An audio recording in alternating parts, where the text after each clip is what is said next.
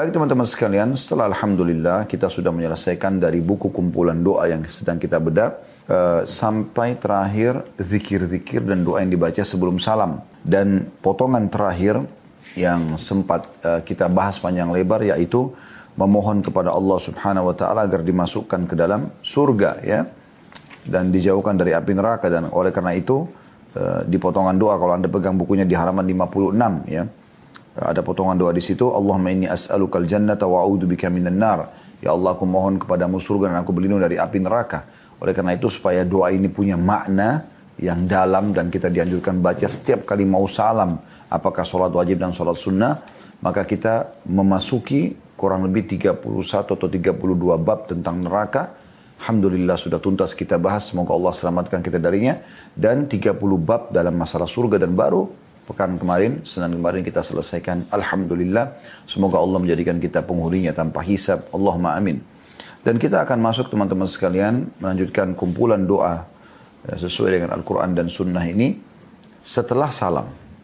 Karena sholat sudah selesai, kita sudah bahas panjang lebar dari dua iftitahnya, kemudian dua ruku, dua itidal, dua sujud, dua di antara dua sujud, kemudian eh, doa-doa uh, tahiyat, ya, Kemudian doa e, sebelum salam itu sudah panjang lebar kita paparkan maka sekarang kita masuk zikir setelah sholat. Teman-teman sekalian, setelah anda salam dari sholat lima waktu, ya, tentu setelah anda memberikan hak-hak sholat tersebut dari kehusuannya ya, tumak nina, keten, e, ketenangan, ya, konsentrasi supaya anda menerima pahala maksimal dan ingat pesannya penting di sini. Selalu berpikir teman-teman sekalian kalau Sholat yang sedang kita kerjakan, kita yang membutuhkannya. Allah sama sekali tidak butuh. Ya. Kenapa banyak orang teman-teman sholat asal selesai, yang penting selesai. Seperti cuma store kewajiban. Karena dia berpikir Allah membutuhkan sholat itu. Padahal sebenarnya Allah tidak butuh. Yang butuh adalah kita sendiri. Dalam sebuah hadis kudsi, hadis sahih riwayat Bukhari, kata Nabi SAW, Allah berfirman, wahai anak Adam, sesungguhnya amal-amal kalian itu adalah amal-amal yang Aku wajibkan buat kalian dan aku akan kembalikan kepada kalian juga. Jadi Allah tidak butuh. Kalau Allah kasih teman-teman kita, eh, teman-teman sekalian seribu tahun umur pun dan kita selama seribu tahun dari baru lahir, ya sudah bisa ibadah sampai kita meninggal, toh tidak ada pengaruhnya kepada Allah Subhanahu Wa Taala. Allah tidak butuh yang butuh kita.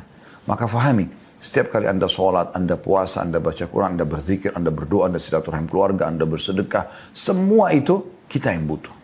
Tanamkan dalam diri kita. Sehingga kita tidak pernah mau putus asa dan tidak pernah mau bermalas-malasan dalam ya mengerjakan perintah-perintah Allah Subhanahu wa taala. Karena memang itu penting sekali. Manfaatnya buat kita sendiri. Untuk penyelamatan diri kita di akhirat nanti dari api neraka dan supaya kita bisa masuk ke dalam surga Allah Subhanahu wa taala. Nah, di antara hal yang disunnahkan sekali adalah zikir selepas salam. Ya, jangan buru-buru berdiri. Ya, kata Nabi SAW, kalau seseorang selesai salam sholatnya, selama dia tidak berdiri dari musallahnya, tempat dia salam tadi, tidak berbicara dengan orang di sebelahnya, ya, tidak membatalkan wudhunya, ya, ini beberapa riwayat kita gabungkan, ya, maka malaikat di atas kepalanya akan mengatakan, Ya Allah ampuni dia, Ya Allah rahmati dia. Ya, terus saja dibaca ini, ya, eh, sampai dia melakukan poin-poin ini. Dalam beberapa riwayat lebih banyak disebutkan berdiri dari tempat musola dan membatalkan wudhu. Gitu kan. Ini berarti menandakan kita dianjurkan untuk berzikir. Berzikir. Dan malaikat terus mendoakan kita selama kita masih duduk di situ berzikir. Ya, oleh karena itu kata para ulama, banyak orang yang digoda oleh syaitan. Dibuat seakan-akan dia punya hajat yang mendesak supaya dia berdiri dan meninggalkan tempat sholatnya sehingga doa malaikat terputus. Ya, semoga Allah maafkan kalau kita lakukan di masa-masa lalu. Tapi setelah kita belajar ini ke depannya usahakan jangan pernah luput lagi dari kita. Dan harusnya kita menjaga ini. Ya, harus kita jaga benar-benar. Dan jangan sampai teman-teman sekalian ini terlewatkan begitu saja. Ya, ini poin penting yang harus kita ketahui. Jadi kita butuh ibadah kita itu dan juga teman-teman sekalian kita harus menyadari bahwasanya ya, eh, syaitan sering menggoda orang agar tidak mengerjakan zikir ini selepas sholat. Buru-buru dengan bisikan misalnya nanti dibaca sementara di jalan. Padahal sebenarnya di jalan belum tentu kita membacanya. Syaitan akan menyibukkan lagi kita supaya jangan di buku amal kita tercatat zikir-zikir yang mulia ini. Baik, zikir yang pertama teman-teman sekalian ya, yang kita bisa lakukan dan ini dianjurkan adalah memohon ampun, istighfar kepada Allah Subhanahu wa taala. Dan yang dinukil dari Nabi SAW adalah lafadznya astagfirullah. Ya. Tidak ada tambahan yang lain, tidak ada azim, tidak ada yang lainnya selanjutnya yang sering banyak dibaca oleh kaum muslimin. Tapi lafadz hadisnya yang ini diriwayatkan oleh Imam Muslim di satu halaman 414 ya. yaitu astagfirullah, astagfirullah, astagfirullah tiga kali. Dan sebagian ulama mengatakan fungsi dan manfaat daripada istighfar ini adalah membersihkan kalau sementara sholat kita punya kesalahan-kesalahan atau kelalaian. Nah, ini kemudian disambung dalam riwayat Imam Muslim setelah istighfar tiga kali kalau kita membaca Allahumma antas salam wa minkas salam tabarakta ya dzal jalali wal ikram. Tabarakta ya dzal jalali wal ikram. Artinya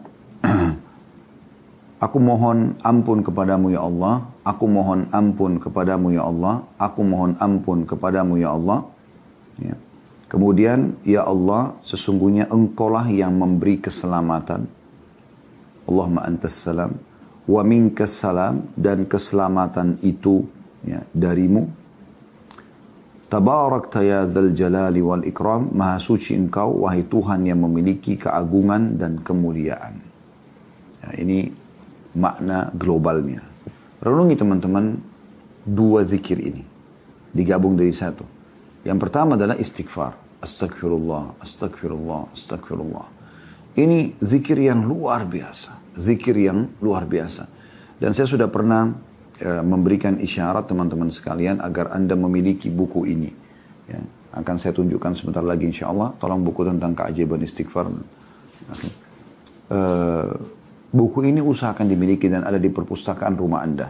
Dan sering Anda dengar. Kalau Anda mau dengar penjelasan lebih jauh, saya sudah pernah bedah buku ini di judul Keajaiban Istighfar. Ya, keajaiban Istighfar. Juga ada keajaiban sedekah. Di sini digabungkan keduanya, ya. Keajaiban istighfar dan e, sedekah dan istighfar. Tentu dua-duanya sudah pernah kami bedah khususnya tentang keajaiban sedekah, bagaimana dia sangat luar biasa e, memperbanyak rezeki dan juga memudahkan e, permasalahan sedang kita hadapi. Demikian juga dengan istighfar. Banyak sekali manfaatnya dari istighfar tersebut, ya. Dan itulah sebabnya kenapa uh, apa namanya? Begitu salam dari sholat yang paling pertama dinukil atau dianjurkan adalah beristighfar. Ya. Dan itu banyak sekali keutamaannya.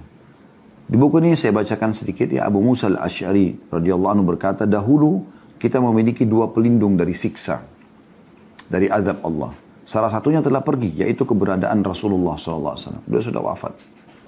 Dan tersisa istighfar apabila ia juga pergi, maka kita binasa. Ini perkataan sahabat Nabi ya. Yang jelas-jelas ikut bersama Nabi SAW dalam perjuangan-perjuangan. Abu Musa al-Ashari masuk sekali radhiyallahu anhu. Tapi beliau mengatakan itu.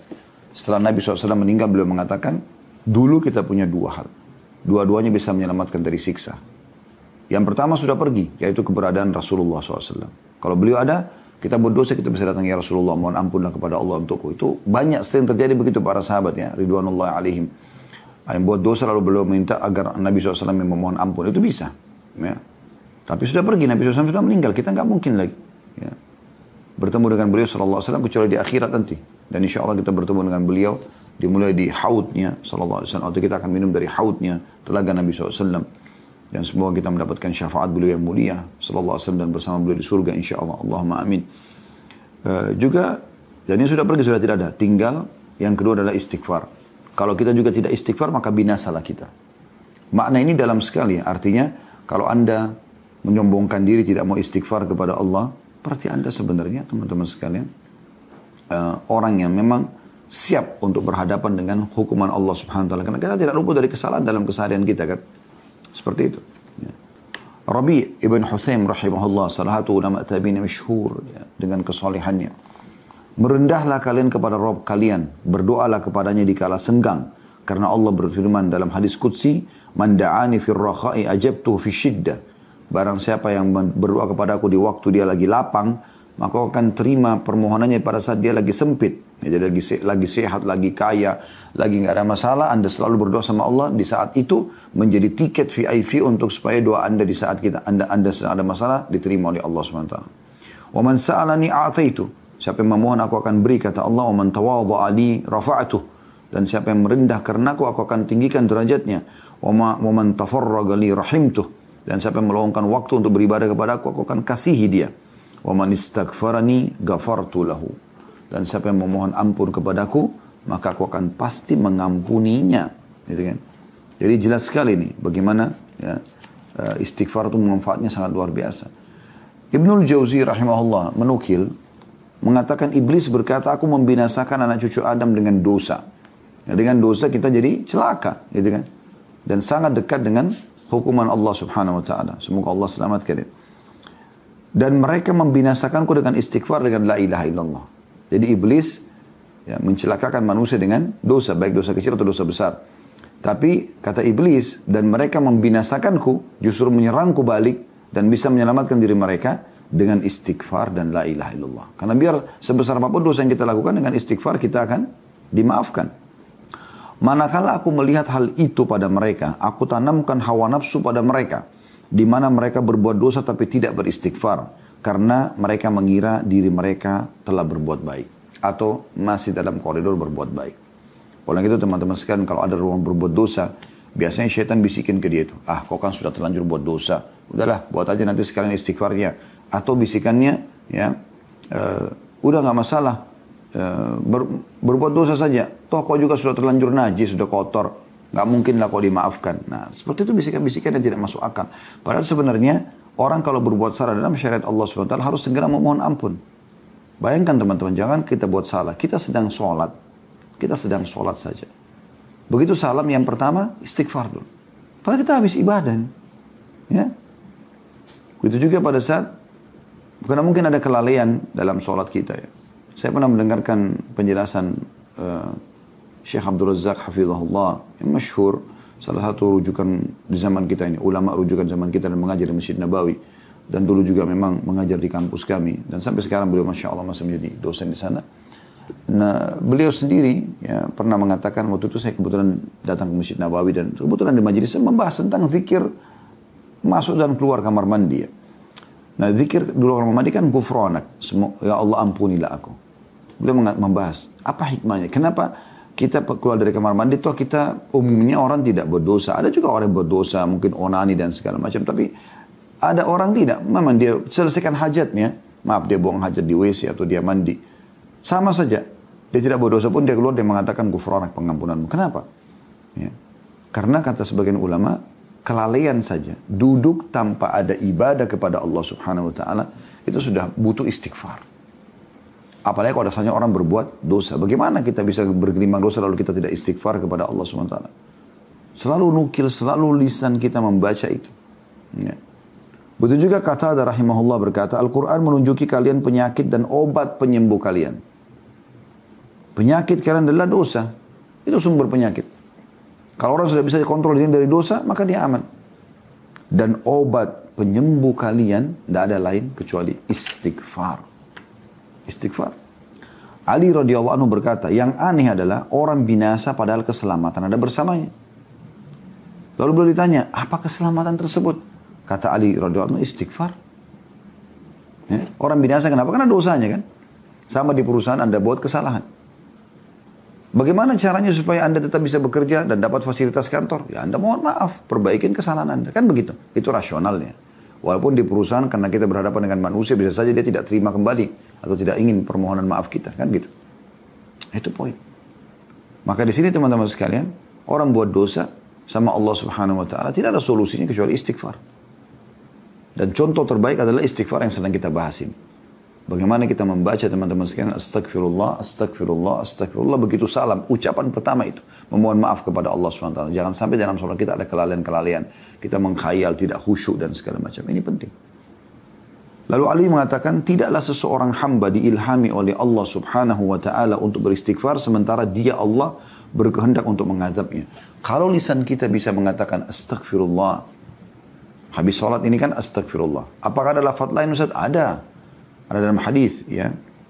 yang menyebutkan keutamaan sifat Allah Al-Hayyul Qayyum, zat yang maha hidup dan mengurus terus menerus mengurus makhluknya dalam sebuah hadis yang dihasankan seingat saya oleh para ulama uh, siapa yang membaca astagfirullahal azim alladzi la ilaha illa huwal hayyul qayyum ada hayyul qayyum wa atubu ilai maka akan diampuni dosanya walaupun sebanyak buih di lautan ya. tapi ini bukan dibaca selepas salam ya anda perlu dengan bijak teman-teman ya dan uh, ilmu yang cukup uh, meletakkan semua apa yang diajarkan Nabi SAW pada tempatnya kalau Nabi SAW sudah menentukan jenisnya, jumlahnya, waktunya, tempatnya, tidak usah diubah-ubah. Kan gitu. Ya. Selepas salam, istighfar tiga kali. Dan lafadznya, astagfirullah. Begitu hadisnya riwayat muslim tadi. Astagfirullah, astagfirullah. Nah ini. Anda mau ganti dengan istighfar lain, Anda butuh dalil. Kan gitu. Kalau Anda mau bijaksana. Tapi Anda bebas, silahkan saja. Ini kami menyampaikan supaya Anda renungi ya. Sehingga ibadah kita itu betul-betul mengikuti prosedur yang ada. Tujuannya untuk itu. Karena kalau kita ikuti prosedur yang ada, kita selalu aman kan. Di alam kita manusia saja kalau kita ikuti prosedur yang ada, kita akan aman. Kan itu. Kita bekerja misalnya, kita ikuti prosedur dan peraturan yang ada. Kita akan dapat gaji kita, dapat hasil kita. Ya. Kita bisnis kita yang lain. Pokoknya apa saja kita kerjakan, kita ikuti prosedur, maka akan aman. Tapi kalau tidak, maka jadi masalah. Ya.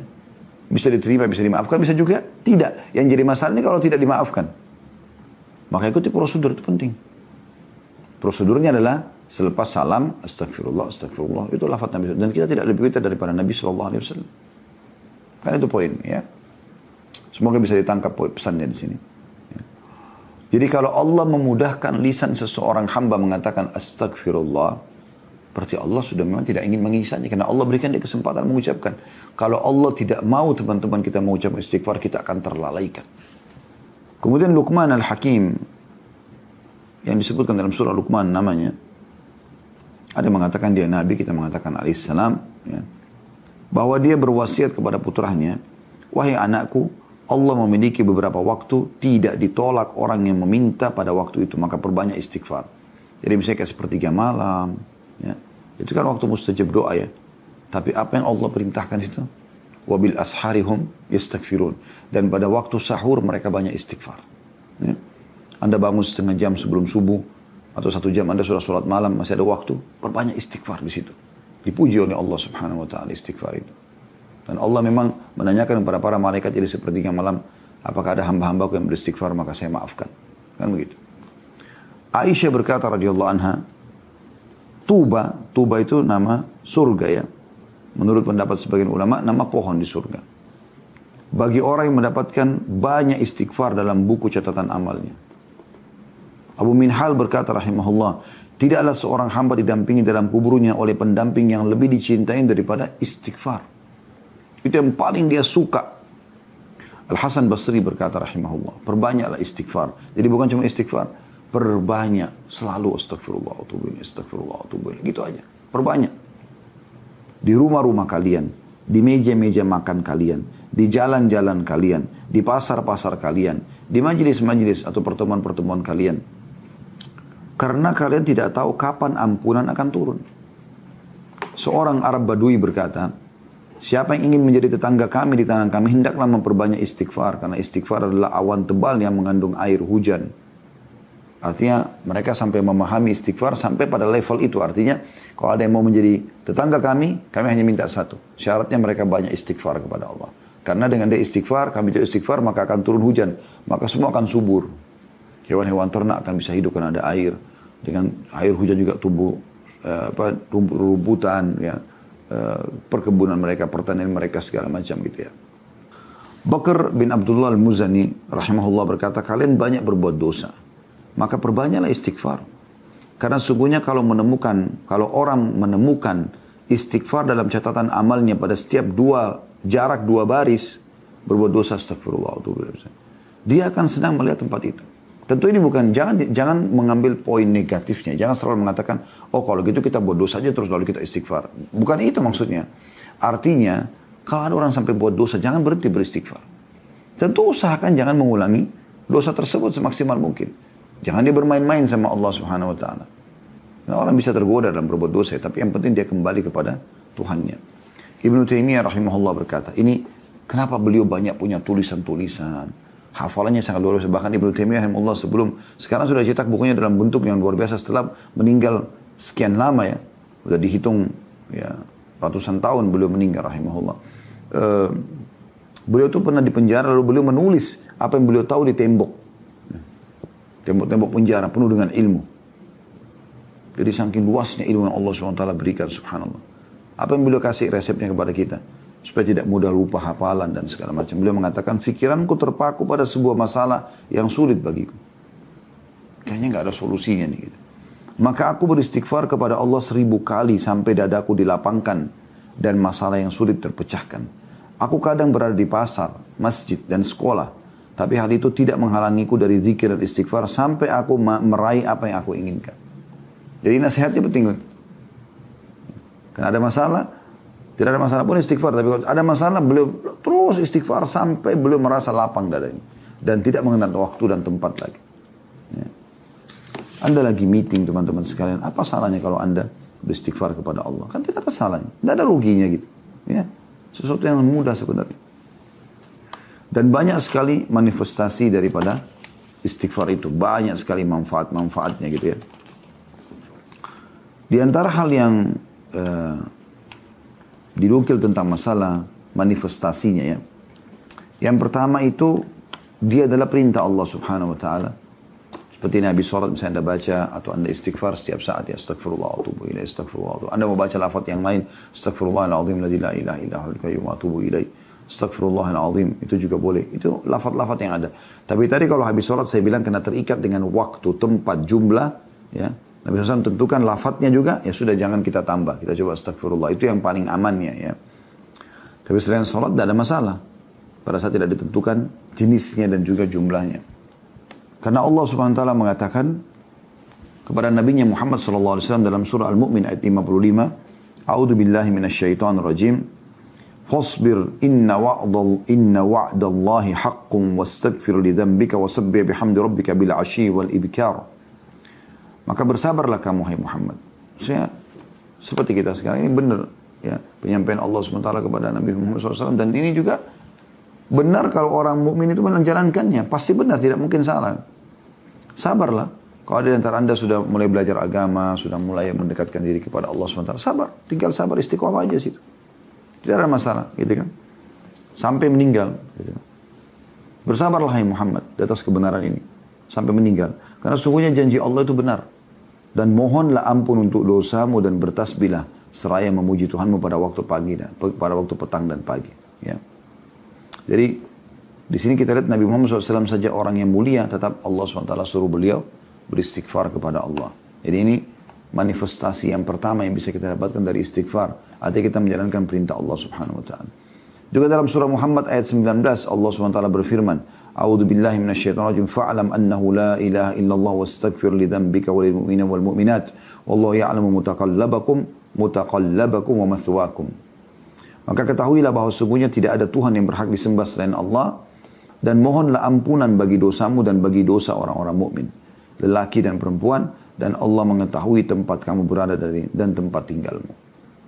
Ini perintah Allah SWT kepada Nabi SAW untuk memohon ampun atas dosa beliau sendiri kalaupun beliau melakukannya. Dalam surah An-Nasr ayat 3 juga Allah SWT mengatakan, A'udhu billahi minasyaitonir rajim fasabbih bihamdi rabbika wastaghfirhu innahu kana tawwaba. Bertasbihlah dan memuji Rabbmu dan mohonlah ampun kepada yang sungguhnya dia maha penerima taubat. Dan dalam surah An-Nisa 106 Allah SWT berfirman, "Wastaghfirillah innallaha kana ghafurur rahima." Dan mohonlah ampun kepada Allah. Sungguhnya Allah maha pengampun lagi maha penyayang. Astagfirullahaladzim. La ilaha illa wal hayyul qayyum atubu ilaih. Apa sulitnya ucapkan itu? Apa ucapnya, apa sulitnya teman-teman sekalian lagi nunggu lampu merah. Astagfirullah atubu ilaih. Astagfirullah atubu ilaih. Astagfirullah atubu ilaih. Lagi antri mau bayar di kasir. Astagfirullah atubu ilaih. Astagfirullah atubu ilaih. Astagfirullah. Lagi di lift. Mau naik ke lantai berapa di kantor anda? Astagfirullah atubu ilaih. Astagfirullah atubu ilaih. Astagfirullah. Kenapa? Teman-teman lagi habis mandi mau buka lemari sambil ngambil baju pilih baju astagfirullah apa susahnya kenapa kenapa gak ucapin ini ya, sambil uh, uh, mau ke, menuju ke rak ambil sepatu astagfirullah sambil menuju ke mobil sambil mau buka pintu mobil sambil jalan kenapa pada saat uh, menunggu makanan disiapkan oleh istri tidak mengatakan astagfirullah kenapa seorang istri tidak pada saat masak mengatakan astagfirullah terus saja astagfirullah apa ruginya Selama anda tidak berbicara sama orang kan istighfar saja. Memperbanyak istighfar sangat bagus. Ya. Dan sekian banyak contoh yang bisa anda lakukan berhubungan dengan masalah ini. Ya. Dan juga dalam surah Nisa 106 Allah mengatakan kepada Nabi Muhammad SAW, "Wastaghfirillah, inna Allah kana ghafurur rahimah." Dan mohonlah ampun kepada Allah, sungguhnya Allah Maha Pengampun lagi Maha Penyayang, gitu kan. Begitu juga Allah mengatakan dalam surah Muzammil ayat 20, "Wastaghfirullah, inna Allah ghafurur rahim." Mohonlah ampun kepada Allah. Sungguhnya Allah maha pengampun lagi maha penyayang. Ya. Dalam surah Al-Imran 133 Allah menyuruh kita bersegera dan tidak menunda istighfar dan tobat kembali ke jalannya. A'udzu billahi minasyaitonir rajim. Wasari'u wasari'u ila magfiratin min rabbikum wa jannatin arduha as-samawati wal ardu iddat lil muttaqin. Dan bersegeralah kamu kepada ampunan dari Tuhanmu dan kepada surga yang luasnya seluas langit dan bumi yang disediakan untuk orang-orang yang bertakwa. Bertakwa. Ya, di sini kita disuruh bersegera untuk memohon ampun kepada Allah Subhanahu wa taala. Sekarang Anda lagi nunggu mendengarkan ceramah Anda kan bisa. Astagfirullah astagfirullah astagfirullah. Bisa sih. Nggak ada rugi. Minimal Anda baca 100 kali sehari. Itu tidak ada susahnya sama sekali. Kemudian Allah SWT juga ya, mengatakan tentang orang-orang kafir. Kalau mereka beristighfar dan tobat kepada Allah kembali ke agama Allah, Allah bisa maafkan. Dalam surah Al-Maidah 74, A'udzu billahi minasyaitonir rajim afala yatubuna ila Allah wa yastaghfiruna. Wallahu ghafurur rahim. Mengapa mereka tidak bertobat kepada Allah dan memohon ampun kepadanya dan Allah Maha Pengampun lagi Maha Penyayang? Tentu diikuti dengan keimanan. Gitu. Kemudian dalam hadis qudsi yang mulia, hadis ini mulia sekali tentang manfaat istighfar ya. Hadis ini diriwayatkan oleh Tirmidzi dengan sanad hasan sahih. Kata baginda Nabi SAW, Allah SWT berfirman, Ya ibna Adam, lau balagat dhunubuka ananas samai thumma stagfartani, gafartu laka wala ubali. Wahai anak Adam, seandainya dosamu mencapai langit penuh banyak sekali. Kita kan postur tubuh kita kecil, mencapai langit seperti apa. Tapi dosamu sebesar itu pun penuh langit semuanya. Ya. Mencapai langit dari bumi sampai langit itu luar biasa jaraknya, gitu kan. Kemudian kau memohon ampun atau istighfar kepadaku, kata Allah. Astagfirullah, itu beda lisan sekali, ringan sekali lisan kita gitu. Maka niscaya kata Allah, aku mengampunimu dan aku tidak peduli. Karena tidak ada yang bisa intervensi di haknya Allah SWT. Ini manifestasi yang luar biasa. Bagaimana itu adalah perintah Allah dan Allah memastikan akan diterima. Gitu kan? Istighfar yang kedua manifestasinya adalah mendatangkan rezeki. Siapa tidak mau teman-teman kalau dikatakan mau nggak rezekimu bertambah? Oh, orang pasti mengatakan mau. Jadi kalau dia masih punya akal sehat dan dia tahu ya atau dia beriman kepada Allah Subhanahu wa taala. Maka Nabi Nuh alaihissalam mengajarkan kepada kaumnya dan itu dinukil oleh Allah SWT dalam surah Nuh ayat 10 sampai ayat 12 tentang manfaat istighfar. Ini Allah perintahkan Nabi Nuh AS menyampaikan. Apa kata Allah SWT? A'udhu billahi minasyaitonir rajim. Melalui Nabi Nuh AS. Fakultu astaghfiru rabbakum innahu kana ghaffara. Aku katakan kepada kaumku, mohonlah ampun kepada Tuhanmu, sungguhnya dia maha pengampun.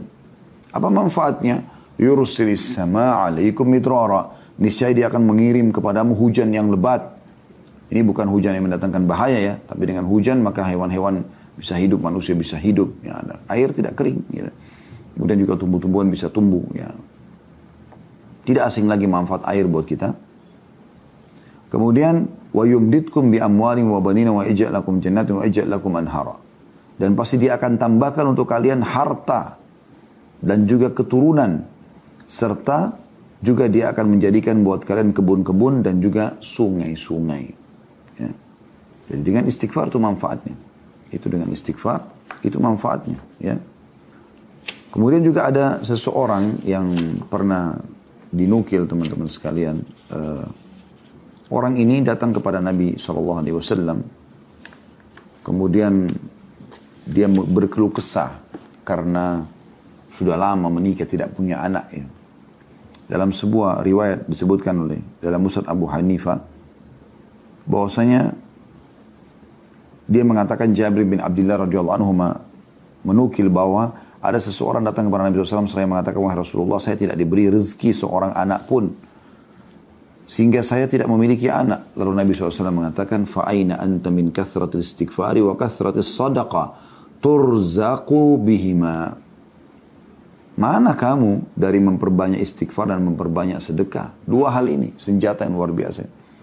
Dengannya lah, atau dengan keduanya, atau salah satunya, engkau akan diberikan rezeki. Ya.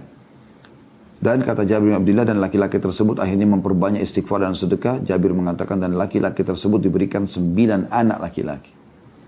Tapi saya sudah istighfar, saya eh, belum punya anak. Perbanyak. Bukan istighfar satu dua kali, seratus kali, perbanyak. Tadi sudah saya kasih contoh di setiap kesempatan. Juga Allah menyebutkan tentang Nabi Hud alaihissalam di dalam surah Hud ayat 52.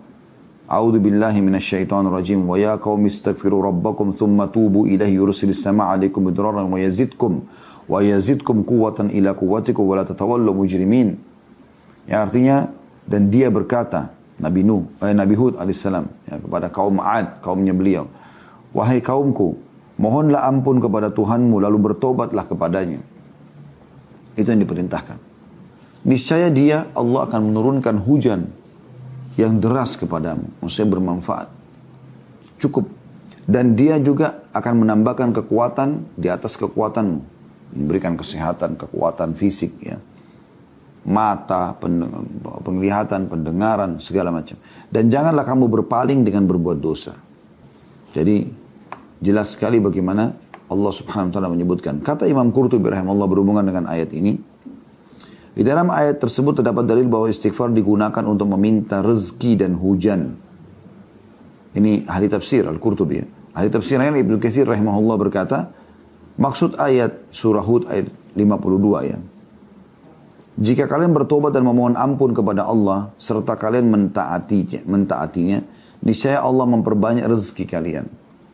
Memberi kalian minum dengan nikmat-nikmat langit, mengeluarkan untuk kalian nikmat-nikmat bumi menumbuhkan untuk kalian tumbuh-tumbuhan, mengalirkan untuk kalian air, dan menjadikan untuk kalian kebun-kebun. Di, di dalamnya terdapat segala macam buah-buahan, dan dia menyelingi di antara kebun-kebun itu sungai-sungai yang mengalir.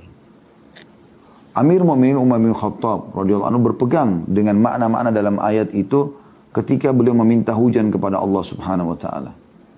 Mutarrif rahimahullah meriwayatkan dari Asy-Sya'bi rahimahullah bahwa Umar radhiyallahu keluar bersama orang-orang untuk melakukan istisqa, minta turun hujan.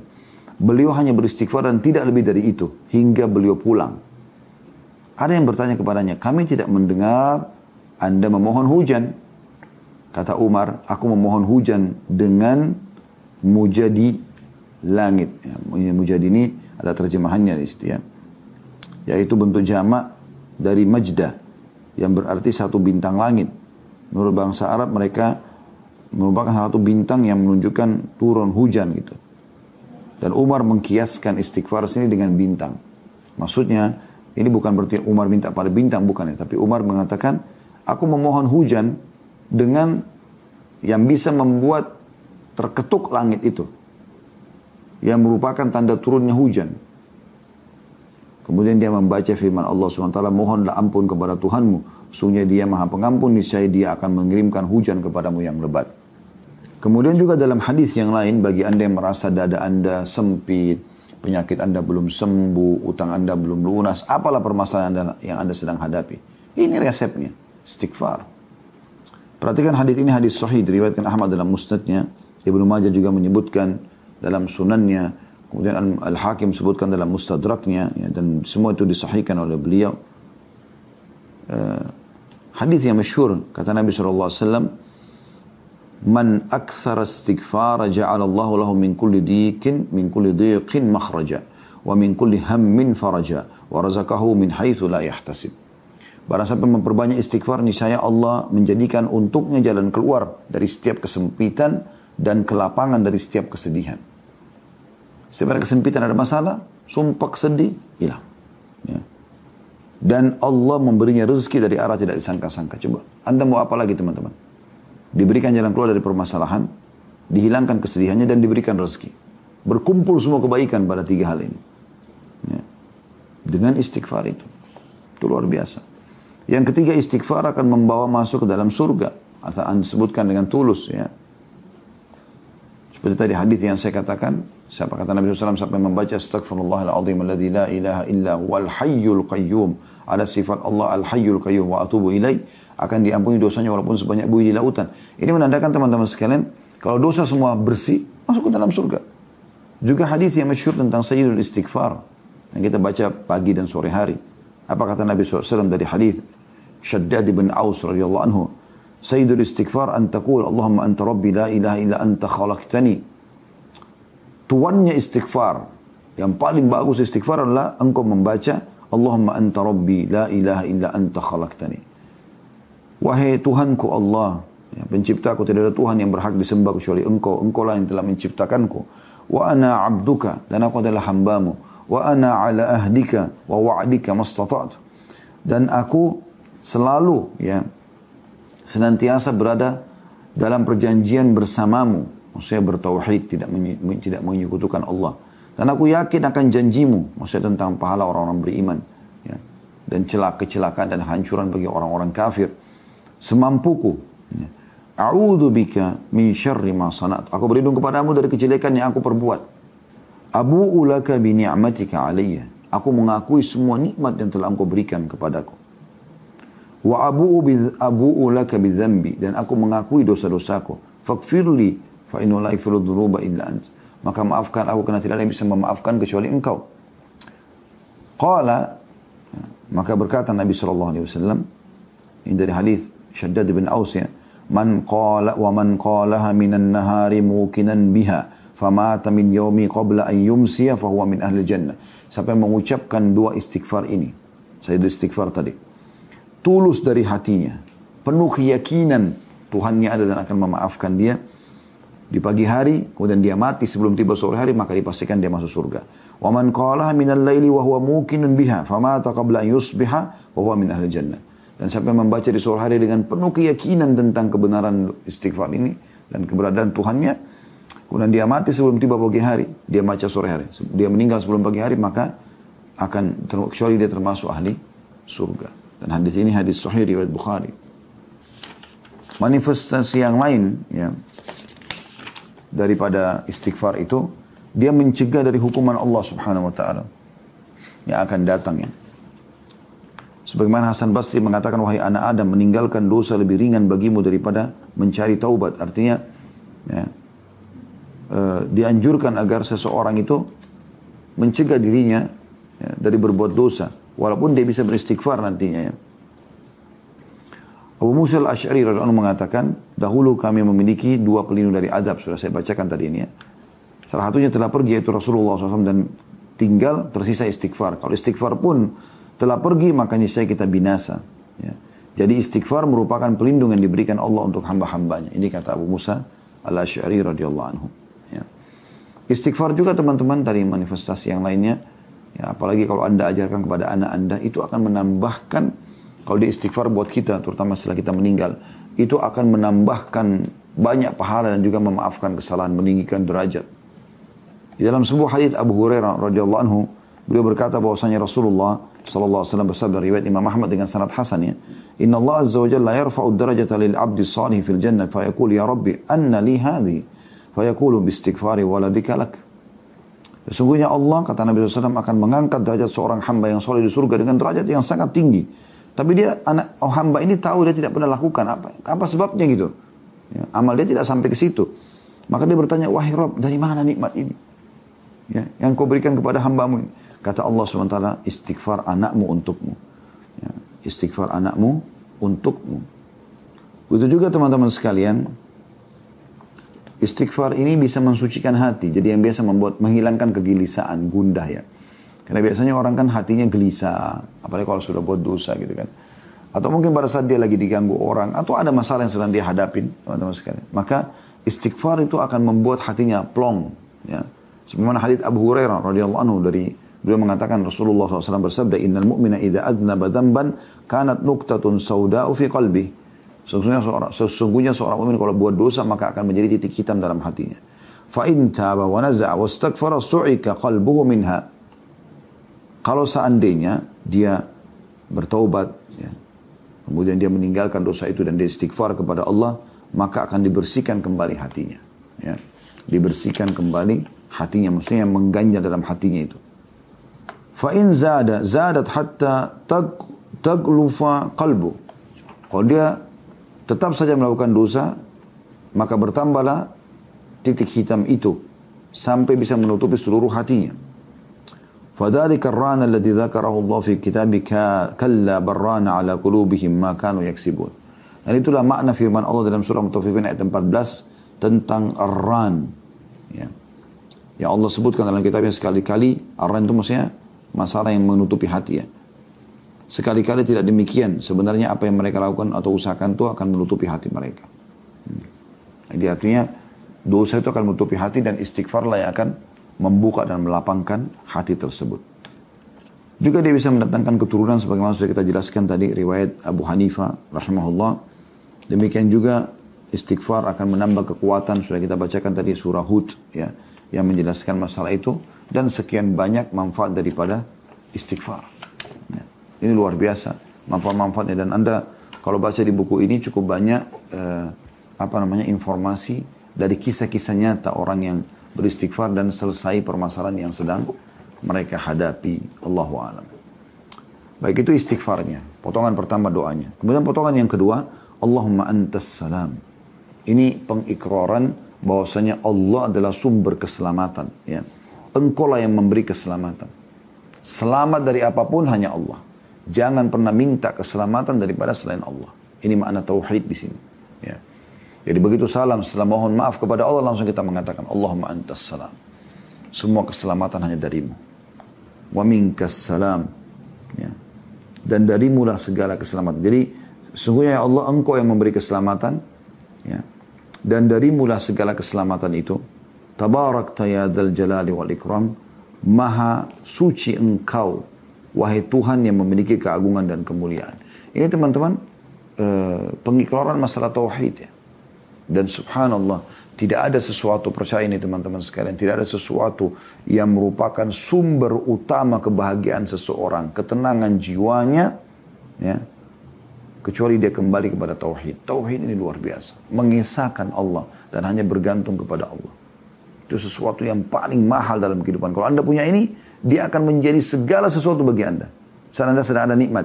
Anda kalau bertauhid kepada Allah, anda kembalikan kepada Tuhan, anda yakin, oh ini Allah yang berikan nikmat. Maka kita jadi bersyukur dan kita hanya kembali kepada Allah agar minta ditambahkan nikmat tersebut, ya. Dan Allah akan berikan. Kalau Anda lagi buat dosa, Anda lagi buat salah, Anda tinggal kembalikan kepada tauhid, ya.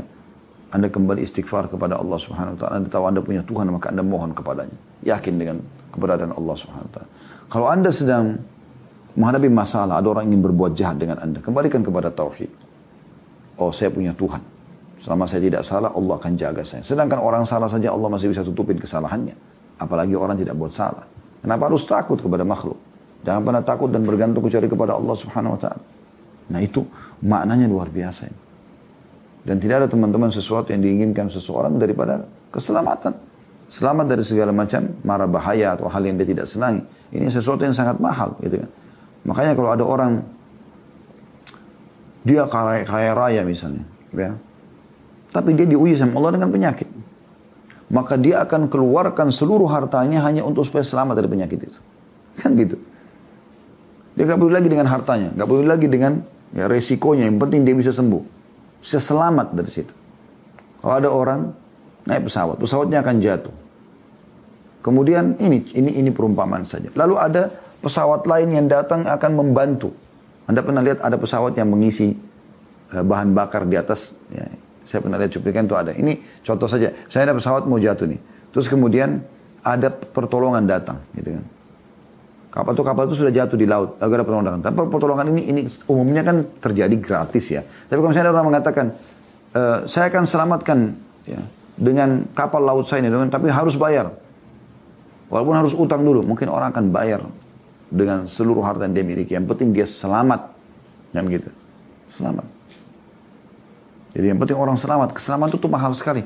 Maka ini pengikraran tentang Allah Subhanahu Wa Taala pemberi keselamatan. Ini luar biasa ini. Ya. Kita disadarkan selepas ya salam dengan ini. Supaya kita memohon ampun kepada Allah Subhanahu wa taala, supaya juga kita mengembalikan kalau Allah ya segala sesuatunya. Allah segala sesuatunya. Ya, ini apa doa yang kita baca selepas salam dan insya Allah sampai sini bahasan kita teman-teman sekalian kita akan lanjutkan nanti uh, satu kali lagi tentu pertemuan uh, untuk membahas ini ya uh, apa namanya zikir potongan pertama dari uh, habis salam ya karena masih ada yang lainnya ini masih cukup banyak uh, tentang yang harus dibaca setelah salam namun sampai sini saya memberikan kesempatan bertanya masalah istighfar dan juga masalah keselamatan yang Allah Subhanahu wa taala berikan.